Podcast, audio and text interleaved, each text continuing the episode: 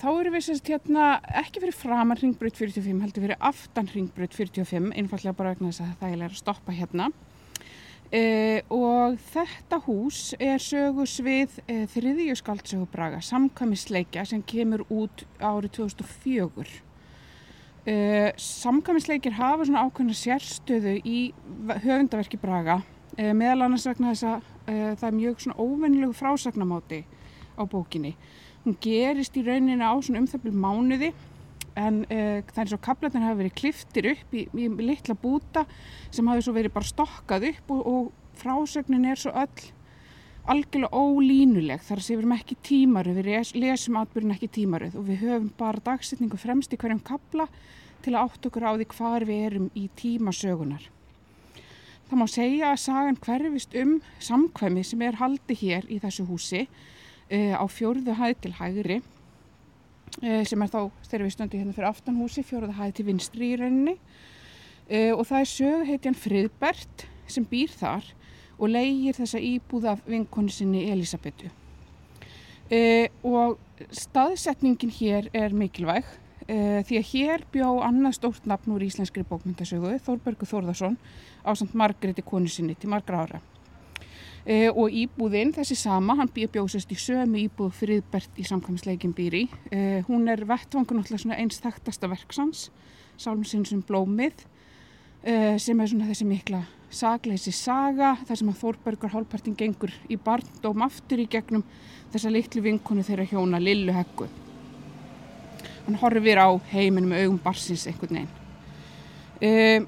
Það er aldrei minnst á Þórberg með beinum hætti í samkvæmisleikjum uh, og Friðbert sjálfur virðist í raunin ekki meðvitaður um hvað hann býr. En tvær aðra personur í verkinu minnast á Þórberg, annars verður nágranni þarna úr stegaganginum sem að uh, talar um þegar mæti Friðbert um skrimslafræðing hann er hátegnar. Og það er titill sem að Þórbergur tók sér í rauninni sjálfur eftir hann hafi gengið einhvern svona breskan skrimsla áhuga hóp sem var kentu við krúnuna og þá sérst, tók hann sér eiginlega þennan titil skrimslafræðingur uh, hennar hátegnar uh, og svo er það Elisabeth eigandi íbúðarinnar uh, sem að virðist líka meðvitið um tengsl íbúðarinnar við Þórberg þegar að hún í samkvæmi Friðberts fer að ræðum svalir og hún kemst að því að, að Friðbert hefur einhver, einhver óbeitt á svölum íbúðarinnar og svölum almennt og þá spyr hún hann í þessu, þessari veistlu, ertu loftrættur? Þannig að þú ferð aldrei út á svalir sjálfur, ekki einu sinni til að taka hitan. Og þessi þekkja til Þórbergs vita hann fór, uh, hann hafði svona áráttu fyrir að fylgjast með veðri og fór meðal hann út á svalir nokkur sem á dag og tók hitan uh, þar. Þannig hún, hún er augljóslega meðvitum og vísar í það en Friðbert kveikir ekki á neyn og verður bara hvums og verðist ekki skilja þessa spurningu. Eh, það er líka ljóst að Bræi sjálfur þekkir vel til Þórbergs og verka hans því að það er vísað í, í hann með ýmsum hætti í bókinni.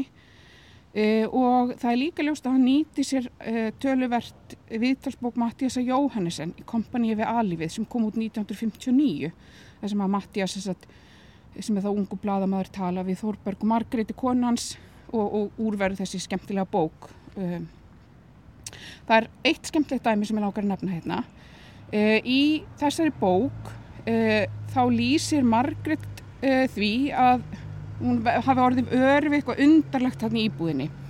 Og hún segir þegar ég hef setið þarna stundarkort finn ég að blásir ísköldum anda aftan á beran hálsin á mér. Við það kemst ég í dálítið enkenlegt ástand og hljóða upp án þess að vita það sjálf. Og ég ætla að lesa þess að kapla úr bókinu örstuttan og vita hvort þið sjáuð ekki skildleikan hérna. Allt í einu byrtist sigga í eldúskettinni, skelvingu lostinn eins og eitthvað hræðilegt hefði komið fyrir.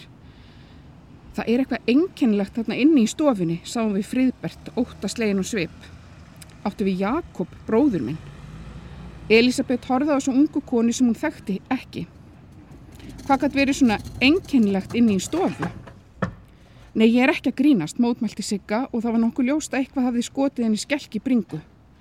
Ég stóð aðná í skápin þar sem að kemur inn í stofuna, held hún áfram. og allt í hennu var eins og einhver blési aftan á nakkan á mér. Það var eins og ískaldur andadráttur. Í viðtali skömmu eftir útkomi bókarinnar eh, segir Brian hafi strax ákveðið að láta bókinu gerast í þessar íbúð sem sé á einhvern nátt helg í hugum margra. Væntalega þá með vísun í sálmennu blómið og þá bók sem að, uh, fólk elskar svo mikið og er þessi mikla sakleysi saga. Uh, og hann segir í þessu viðtali og ég les hérna Það er þó eitthvað háskalegt og skrítið við það að skrifa sögu sem þessa og láta hann að gerast að stórum hluta inn í íbúð sem í hugum margra er nánast tákn fyrir fallegt líf eða sakleysi sem tilheyri liðinum tíma.